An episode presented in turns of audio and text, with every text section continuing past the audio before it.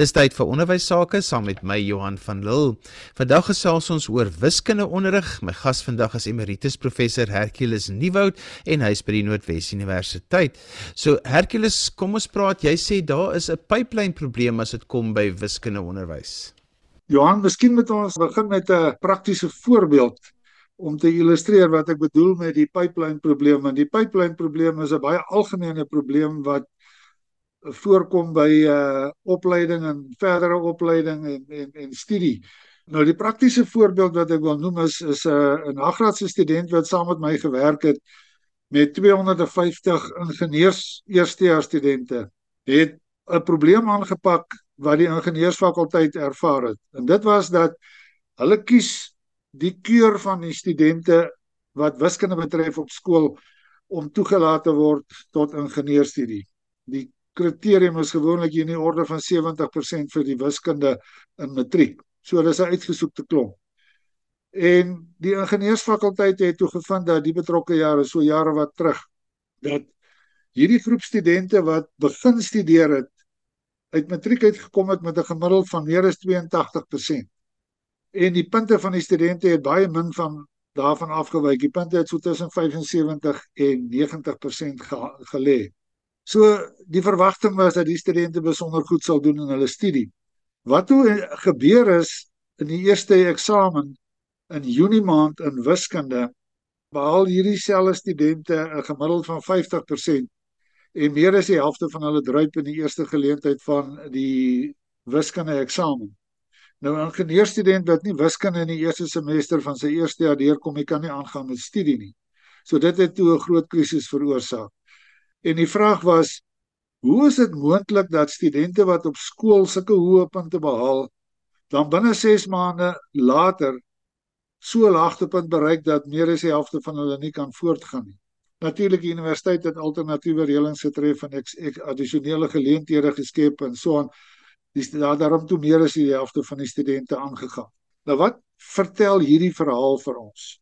Hierdie verhaal vertel vir ons dat studente wat tot verdere opleiding of universiteitsstudie toetree, selfs al het hulle hoë punte op skool in wiskunde behaal, dan is dit nie 'n versekering dat hulle op universiteit goed sal vaar in opleidingsrig wat wiskundige vaardigheid verg nie. Wat dit verder vir ons sê is is dat daar is 'n hoë premie op die wiskundige prestasie wat op skool behaal word Wiskunde is klaarblyklik baie belangrik in 'n hele klomp studierigtinge.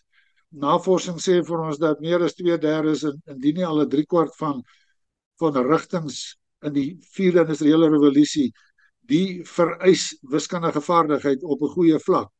So die pipeline pro probleem is dus eerstens dat baie min van ons studente, baie min van ons skoolleerders behaal 'n hoë genoeg prestasie in wiskunde om verder te studeer of verder opgelei te word. Uh, ons uh, sal nou sien as ons die 2023 matriekuitslae kry gaan wiskunde weer die voorblaai van die koerante haal. Uh, baie heeltemal te min vir die aanvraag. Studente slaag wiskunde op 'n voldoende vlak om verder opgelei te word om rigtings te volg wat in die vierde industriële revolusie belangrik is. Die tweede aspek van die probleem is die wat nog hoë punte behaal soos in hierdie geval van die ingenieurstudente die het klaar blyklik sekere vaardighede nie wat nodig is om suksesvol te wees en hulle sak dan langs die pad uit. So die pipeline projek uh, probleem kom dus daarop neer dat ons heeltemal te min wiskundig bekwame studente uit die skole uitkry om 'n sukses te maak van broodnodige verdere opleiding en studie en loopbane in hierdie land. 'n Derde saak wat ons in hierdie geval moet onthou nou moet in ag neem is dat in die vierde industriële revolusie konteks word wiskunde anders as tradisioneel op universiteit en by opleiding was waar wiskunde apart op sy eie onderrig word word wiskunde nou in konteks in die opleiding gebruik So wiskunde is in die vierde industriële revolusie 'n baie belangrike middel of 'n belangrike tool as mens die Engelse woord mag gebruik om suksesvolle opleiding te verseker en om suksesvolle praktyk uitvoering moontlik te maak. So en op dit gebeur nie op skool dat wiskunde in konteks in konteks van praktiese situasies geleer word nie. En dis deel van die probleem wat ons dan tans het.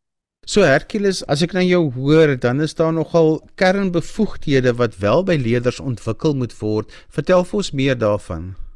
Ja, daar is inderdaad in die tyd waarin ons vandag leef, die era waarin ons nou is, is daar en in ons skoolkurrikulum stel dieselfde kernbevoegdhede duidelik in die dokumentasie. So dit is deel van die kurrikulumbeplanning vir ons skole, maar hierdie vier kernbevoegdhede is 'n diep verstaan van die groot idees, die idees, die basics van wiskunde. Tweedens moet die leerders 'n vloeiendheid hê ontwikkel om wiskundige prosedures toepaslik en effektief te gebruik. Derdens moet hulle logiese en kritiese wiskundige redenering onder die knie kry om wiskundige situasies te kan interpreteer en te ontrafel. En dan vierdens moet hulle die strategiese bevoegdheid ontwikkel om wiskundige situasies voor te stel, te modelleer, op te los en die opleidings duidelik en oortuigend te kan kommunikeer. Die implikasie hiervan is van hierdie vier vaardighede is dit is wat aan die basis moet lê van wat leerders op skool moet aanleer wanneer hulle wiskunde leer. En dit is ten beste sê navorsing vir ons as wiskunde op skool in konteks tot praktiese situasies en realistiese situasies geleer en gedoen word. So Hercules, die huidige praktyke in wiskunde klasse op skool, wat is die situasie? Ek meen uiteraard as mens na 'n geval kyk soos die ingenieurstudente waarna ek verwys het en en hulle is nie 'n uitsonderlike groep nie. Daardie situasie speel hom uit by universiteite in Suid-Afrika en in ander plekke van die wêreld ook. So dis nie 'n unieke situasie nie. En dit moet 'n gevolg wees van wat op skool gebeur het. Die studie waarna ek verwys het, het die studente die uh situasie gaan ontleed uh, wat het dan nou verkeerd geloop dat die studente uitgeval het. En Leonie Labeskagni, dit is nou die student se naam, sy het gevind dat leerders die studente wat hier aangemeld het met die hoë punte is primêr in staat om wiskunde wat hulle voorheen aan hulle verduidelik is en prosedures wat aan hulle verduidelik is dat hulle die weer baie getrou en akkuraat kon nadoen indien hulle weer dieselfde soort take en uitdagings kry. Maar ongelukkig wanneer jy op universiteit kom en wanneer jy verder studeer en opgelei word, dan werk die werklikheid nie so mooi soos wat dit in 'n kliniese wiskunde klas is nie. Daardie studente het nie geleer om op 'n hoër vlak met die wiskundige inhoud wat hulle geleer het te kan werk om probleme op te los. Hulle het nie geleer om wiskundige situasies te ontleed en voor te stel sodat hulle die probleem kon oplos nie. Hulle het nie geleer om saam met ander aan probleme te werk nie.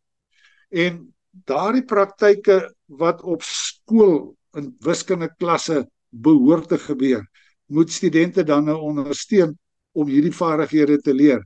En dit blyk dan nou dat dit nie die geval noodwendig is nie. Daar is sekerlik uitsonderings, maar ek praat nou van oor die algemeen. Daar is 'n paar sake wat ons kan noem rondom die praktyke in skoolklaskamers. Daar is net eenvoudig nie genoeg geleenthede wat geskep word, doelbewus geskep word vir studente of vir leerders op skool om hierdie hoër vaardighede wat ek hier genoem het te ontwikkel nie. 'n Kollega Gerrit Stols van Pretoria het 'n studie gedoen in graad 12 wiskunde klasse in Gauteng rukkie gelede waarin hy spesifiek gaan kyk het na watter geleenthede word daar vir die leerders geskep, doelgerig geskep om wiskunde met begrip te kan leer. Nou as mens wiskunde mooi verstaan, dan weet jy in die hart van wiskunde lê probleemoplossing en aan die hart van wiskunde lê wiskundige redenering. Nou Gerrit kon in 18 maande kon hy nie 'n enkele geleentheid in die graad 12 klasse wat hy ondersoek het en dit was 'n hele aantal vind waar onderwysers doelgerig probleemoplossing geïntegreer het in die leerprogram of in die leergeleentheid wat geskep is nie. So daar word nie genoeg sulke geleenthede geskep nie. Die tweede aspek wat ons moet in ag neem is Ons het nou pas weer die matriekeksamen agter die rug aan die einde van 2023. As mens mooi gaan kyk na die eksamenvraestelle wat beskryf word aan die einde die nasionale senior sertifikaat eksamen, dan is daardie vraestelle vreeslik voorspelbaar. Dit beteken nie studente of leerders kan vooruit uit die vrae kry nie. Dit beteken doodgewoon daar is 'n vaste patroon waarby gehou word. En dit is dan moontlik vir onderwysers om kinders spesifiek af te rig om vrae soos wat gewoonweg in die vraestel gevra word en jaar vir jaar wel gevra word te kan antwoord en dan behaal hulle goeie punte deurdat hulle afgerig is spesifiek vir sulke soort vrae. Dit is dan ook wat Leonie in haar studie bevind het dat studente kan goed wat kan vra antwoord wat hulle waarop hulle kon voorberei word hoe om dit te doen maar die oomblik wat daar afgewyk word na die hoër vaardighede en hoër bekwaamhede wat vir gevra word, is hulle nie daartoe in staat nie. En dan is daar derdens in ons skoolklaskamers 'n gebrek aan wat ons noem autentieke, kragtige en ekonomiese praktyke. Leerders word nie geleer hoe om saam te werk nie. Koöperatiewe probleemoplossing is baie kragtige manier van leer, maar dit word nie as 'n reël gereeld geïntegreer in die leerprogram nie. Verder is dit so wiskunde ontwikkeling, wiskundige redenering ontwikkel deur sekere fases of stadia en die kurrikulum probeer die moet dan se doel is dan om leerders deur daai stadia te help ontwikkel met doelgerigte spesifieke progressiewe leeruitdagings en die vraag is of daar sodanige traject in ons skole deurgangs gevolg word wat alle leerders in staat stel om by te hou met die werk wat hulle leer en om na hoër vlakke van wiskundige bekwaamheid te vorder. As jy sopas ingeskakel het, jy luister na ons in die onderwys saam met my Johan van Lille. My gas vandag is emeritus professor Hercules Nieuwoud van die Noordwes Universiteit. Ons gesels vandag oor wiskunde onderrig en al die aspekte wat daarmee verband hou. Maar Hercules, ek wil jy moet nou 'n bietjie fokus op die wiskunde kurrikulum en hoe dit behoort te wees en dan ook 'n bietjie oor die groot idees van wiskunde wat so belangrik is. Die kurrikulum is die kerninstrument in die hand van onderwysers wat die leerders moet begelei in hulle vordering van lae vlakke van wiskundige be bekwaamheid tot hoë vlakke van wiskundige bekwaamheid soos wat vereis word om in hierdie vierde industriële revolusie tyd te studeer, te leer, opgelei te word en te werk. Nou in die eerste plek leerders moet wiskunde leer ken as 'n geskakelde netwerk van gekoppelde idees. Met ander woorde, Die idees van wiskunde moet in die kurrikulum geïntegreer word en geleenthede moet spesifiek doelgerig geskep word waar leerders idees van wiskunde met mekaar kan in verband bring. Dat hulle kan sien hoe dat die idees van wiskunde, wiskunde is 'n lewendige ding.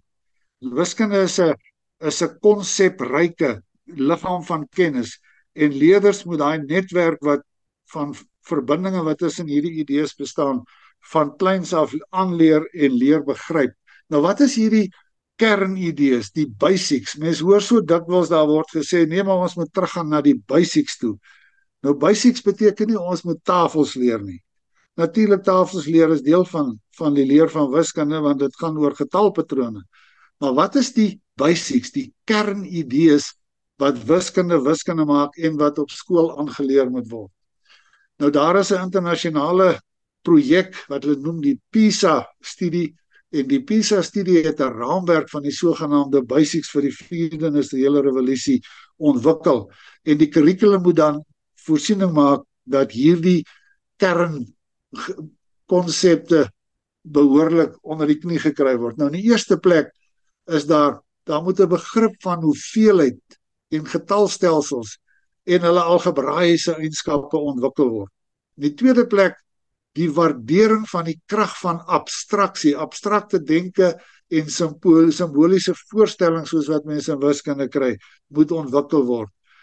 Die identifisering van wiskundige strukture, die vermoë om wiskundige strukture te herken, te identifiseer en om die reëlmatigheid wat daarin voorkom, die patrone wat daarin voorkom, te kan identifiseer en te gebruik.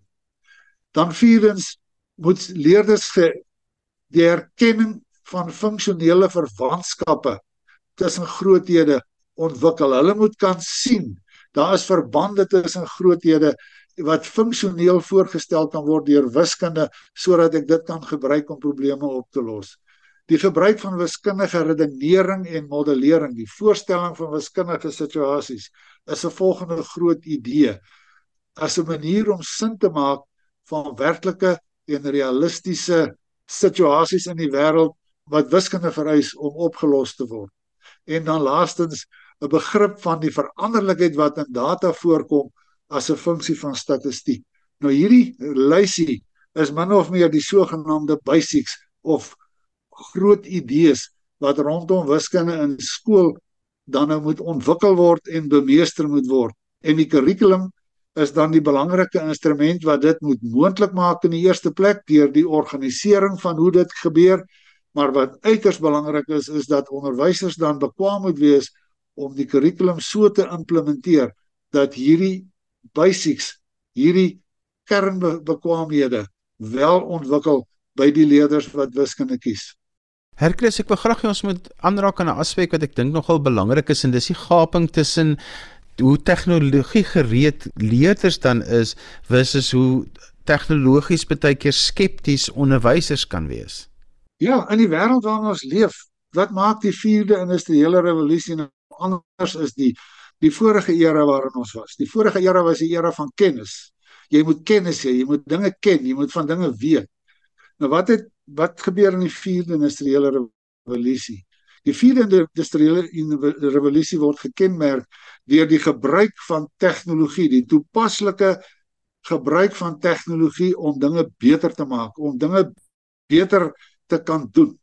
En ons leerders op skool is gebore in hierdie tegnologie tyd. Hulle gebruik selfone, hulle gebruik sosiale media, hulle gebruik tegnologie elke dag van hulle lewe. Hulle is nie bang vir tegnologie nie. Trouwens, hulle verwag dat tegnologie teenwoordig sal wees in hulle leeromgewing, die skoolomgewing ook. Terwyl onderwysers oor die algemeen kom uit die vorige era uit en hulle opleiding was waarskynlik nog kennisgerig in plaas van dalk meer tegnologies ondersteunde kennisontwikkeling gerig te wees. En dan kry jy mense in die klaskamer 'n soort van 'n botsing van verwagtinge.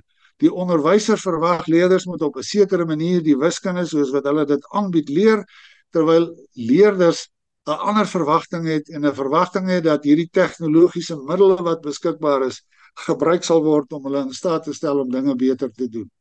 Ek herinner my aan lank terug was daar die die die klassieke gesprek in wiskunde onderrig oor hoe moet sakrekenaars in wiskunde klasse toegelaat word. Nou daar is geweldig baie energie gespandeer om daaroor te redeneer en alles, maar in werklikheid is 'n sakrekenaar doodgewone 'n eenvoudige elementêre tegnologiese middel wat sekere aspekte van die doen van wiskunde so maklik maak of beter maak dat die fokus gelê kan word op die hoër bekwaamhede wat ontwikkel moet word in die doen van daardie wiskunde. Hercules, kom ons sluit af met so 'n laaste paar gedagtes voor ons groet. As ek nou moet terugdink aan wat ons oor gepraat het en as ek nou terugdink aan wat gebeur, dan is daar 'n klompie sake wat bekwame wiskunde onderrig onder lê.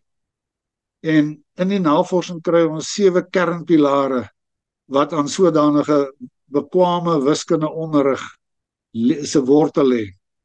In die eerste plek is dit die in diepte en in breedte verstaan van die wiskunde idees wat die onderwysers onderrig. En nou praat ek van die onderwysers. Ek praat nou in hierdie geval die mense oor die mense wat die bekwame wiskunde onderrig moet gee. Hulle moet oor 'n in diepte en in breedte kennis van wiskunde idees verstaan wat hulle onderrig. As hulle self nie verstaan nie, kan hulle nie onderrig nie.